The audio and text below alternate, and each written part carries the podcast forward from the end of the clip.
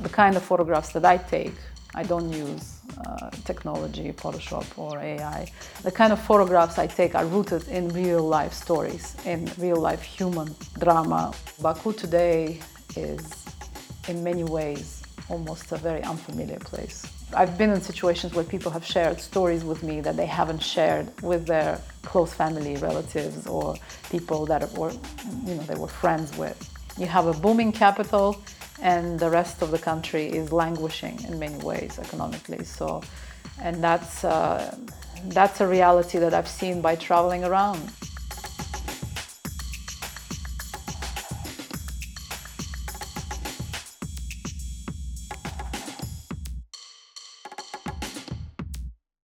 I want to uh, start uh, actually with uh, how you uh, how you feel today's Baku and how uh, Baku is different from your childhood. My God, where do I start?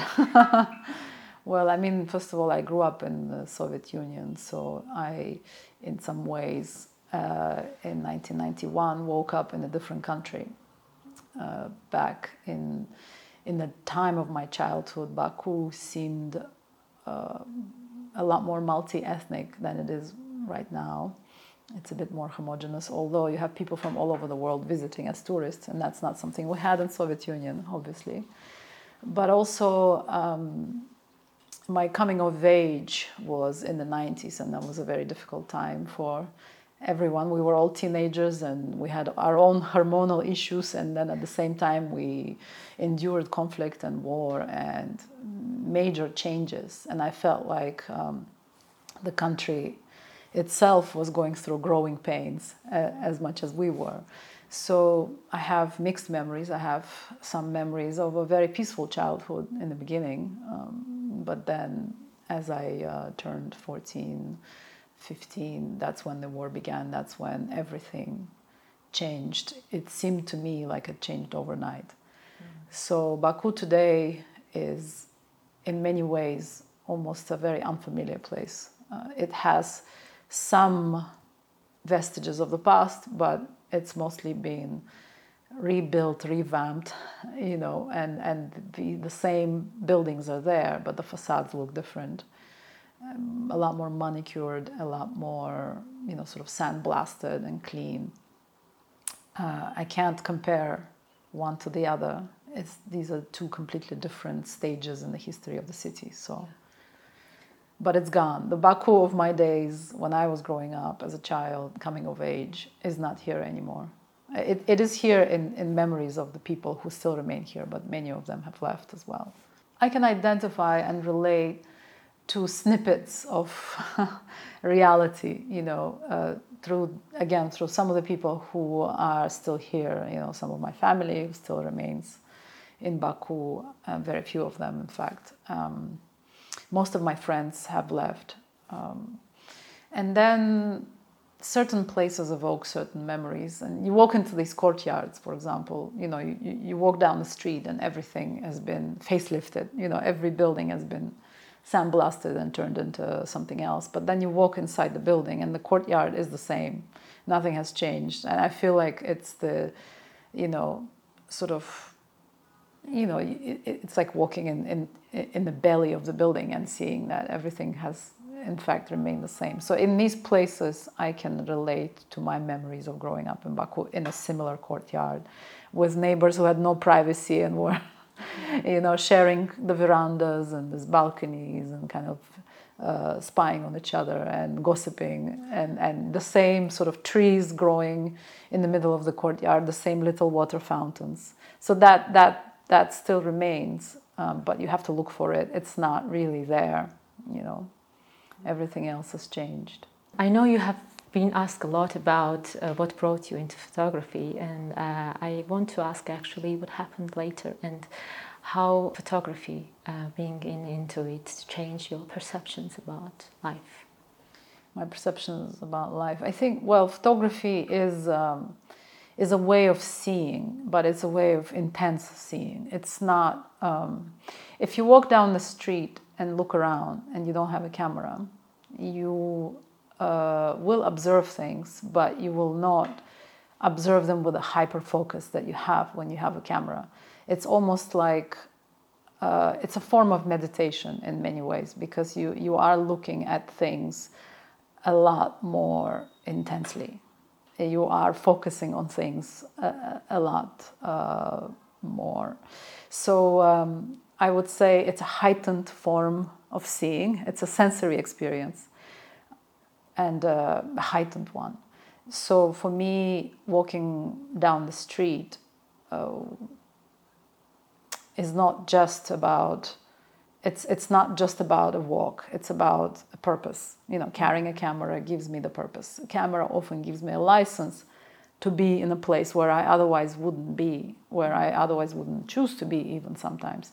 So and um, it also opens doors uh, to people's homes you know uh, to uh, to to situations where i i can have intimate conversations with people that they often don't even you know I've, I've been in situations where people have shared stories with me that they haven't shared with their close family relatives or people that were you know they were friends with.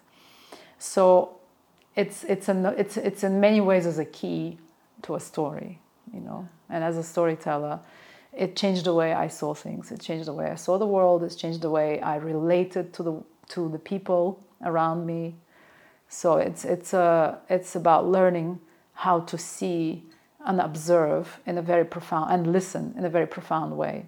What makes photography distinguished uh, in terms of communicating important messages, uh, distinguished than any other forms of art? Well, like many other forms of art, photography is a, is a medium of communication. It's a language. It's a visual language, uh, just like you know cinema and painting to me, that's how I look at it. Uh, there's something about photography that distinguishes it from painting and that distinguishes it from cinema. Uh, from painting, it's that you're dealing with reality. A photograph, the kind of photographs that I take, I don't use uh, technology, Photoshop, or AI. The kind of photographs I take are rooted in real life stories, in real life human drama or uh, human interest stories. So, uh, so that's how it's distinguished from, let's say, painting, where you can uh, take the liberty of adding elements that don't exist, or you draw from memory, or mm-hmm. uh, you know, you even when you uh, make a painting that's real, in the way you render the light is no longer there. You know, so in photographs, it's rooted in reality and real storytelling.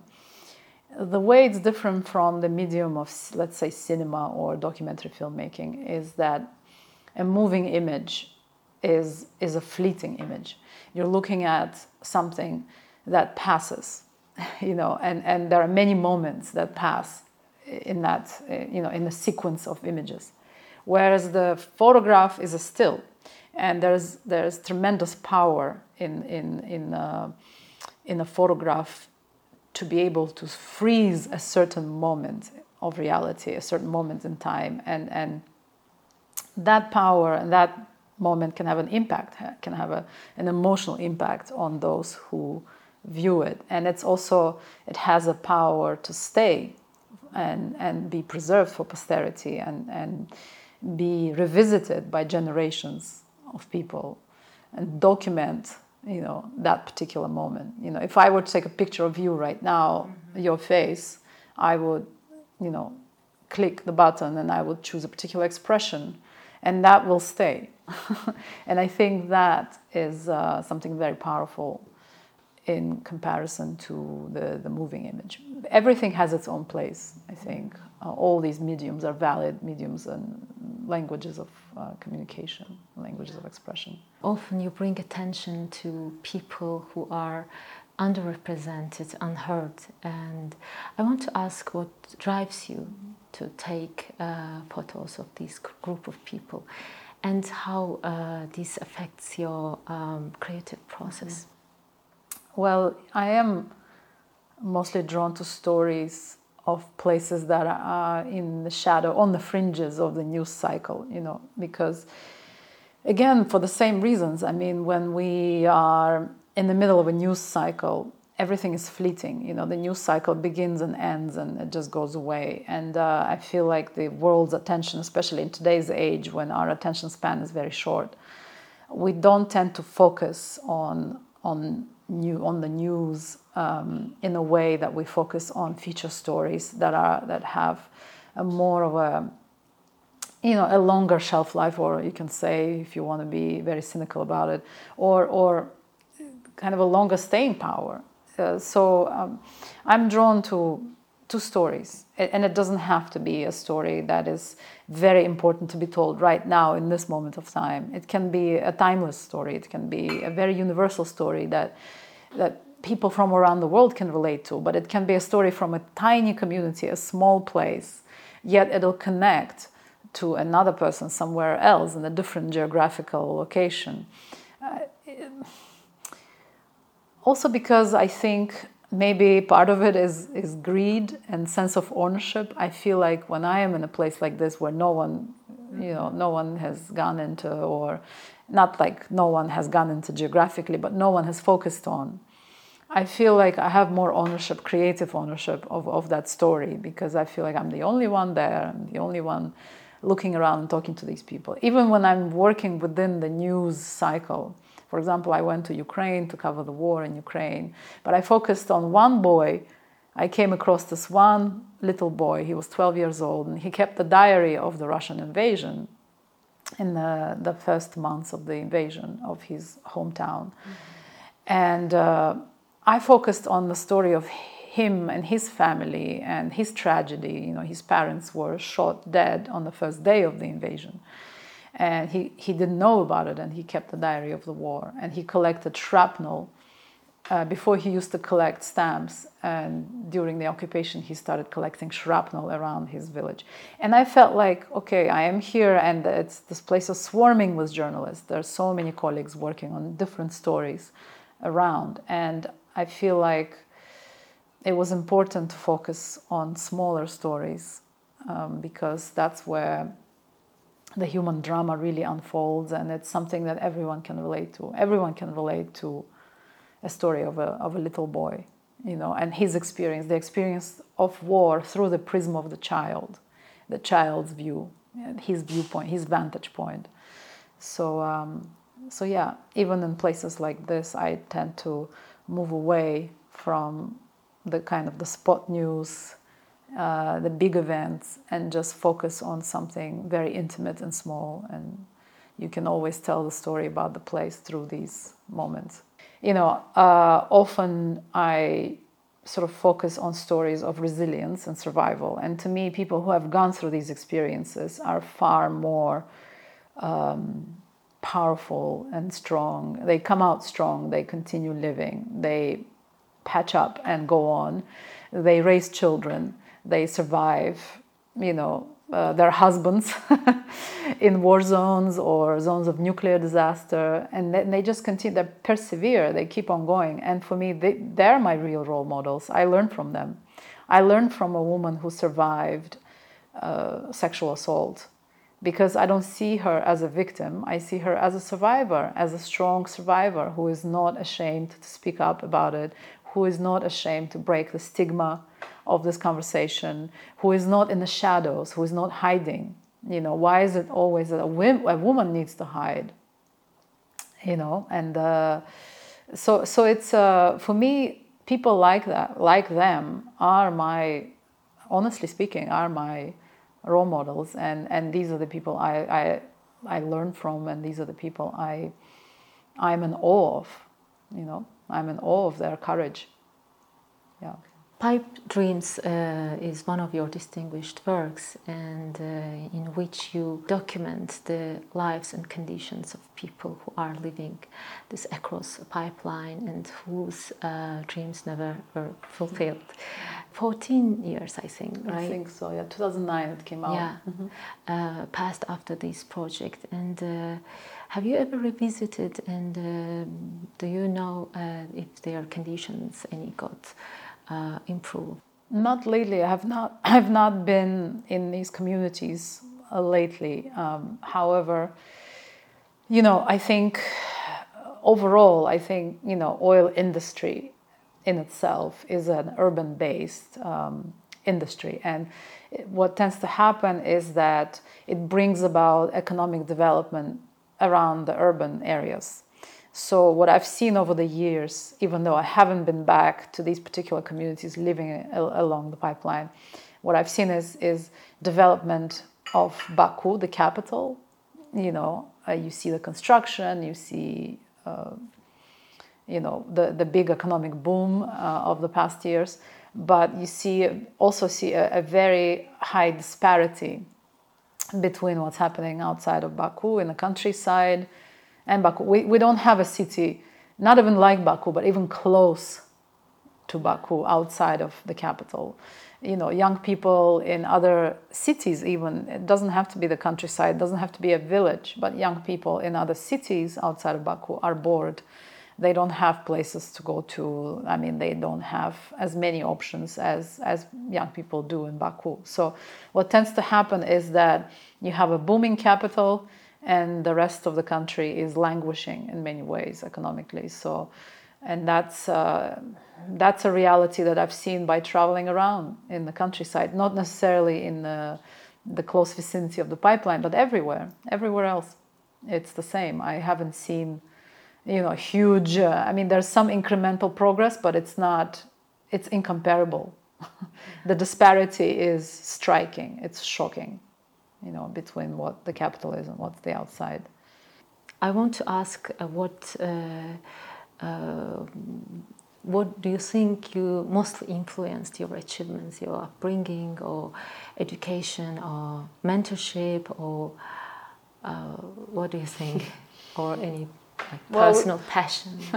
well, it was. I don't. I don't. I don't think it was education because I grew up in Soviet Union. I went to a Soviet school, which then became Azerbaijani school, and the curriculum changed, and the books got cancelled. And I actually, as I was graduating my, you know, my first like sec- what they call it secondary school, the old books were cancelled. The new books haven't been written yet, so for a few years we didn't even have certain subjects you know and then i went to a university and studied as a linguist but i never i'm a lousy linguist. I've never i've never actually worked as a linguist or as a teacher. I've worked a little bit as a translator.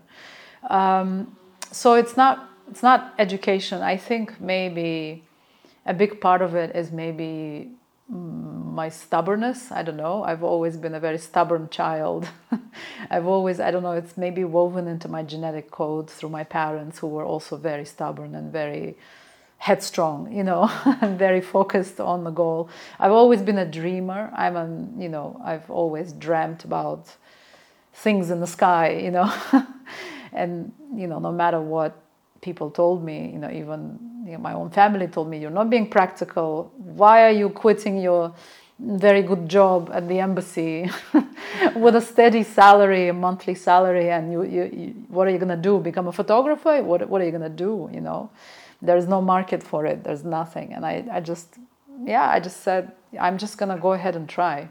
Yeah, I mean, I think a lot of patience uh, is needed because you, you have to you have to know how to handle rejection and you have to not take it personally or take it seriously and you have to there's a lot of um, yeah there as you said it is very competitive especially now because now we are competing not just with people we're competing with ai we're competing with social media we're competing with citizen journalism we're competing with pretty much, pretty much everyone. And again um, there's a crisis in the media industry that's ongoing you know so so there are a lot of factors that are you know making it harder for young people to enter this profession.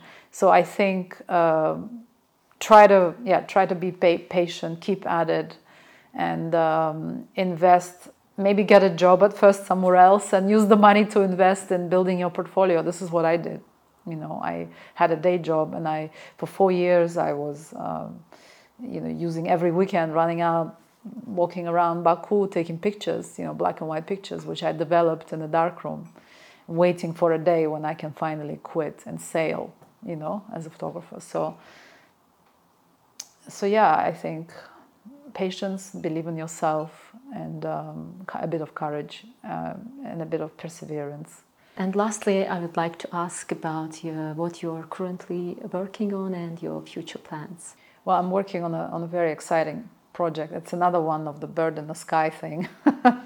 It's, um, it's actually my first documentary film feature, um, which is funded by the National Geographic Society. And it's a story, a very personal story. Um, a story is about my father, who passed away in 91. He was a lepidopterist. Do you know what that is? butterfly scientist, yeah. And there is a butterfly that's named after him in his honor. Uh, he had a friend, a Ukrainian scientist, who named a butterfly in my father's honor. The name of the butterfly is Satyrus effendi, so it carries his name, my name. And it's an endemic species, and it flies in only in one place in the world. It comes, it appears once a year and lives for two weeks only. And it flies at an altitude of 3,100 meters above the sea over the Zangezur ridge between Armenia and Azerbaijan over the border. So, my idea is to track down this butterfly and um, tell the story of my father because he was a, a very elusive, uh, you know, he had a very elusive presence in my in my life, in my childhood, and uh, through this journey, I'm trying to get to know him, and also tell the story of the conflict and. Um, sort of show the terrain of what it looks like now. My father, during the time of peace, drove from Baku across Nagorno Karabakh, across Armenia into Nakhchivan by bus you know, he took buses and sometimes he took the trains, uh, went on the Zangezur Railroad, which doesn't exist anymore, and traveled through this, this terrain. And now it's a reclaimed uh, warscape. so, um, so yeah, that's the in the gist the story of the project, and it'll be a, a full length um, feature, my first film. I mean, I, I, I, see myself as a storyteller, and I'm not limited to one medium. I, I write, I, I draw uh, crazy cartoons. Sometimes I draw monsters, you know, and, and animals wearing human clothes and silly things like that. I, I write, I take photographs, and I make films. So it's uh, these are all the mediums of communication. We talked about it earlier. These are all different languages that I employ in, uh, in storytelling.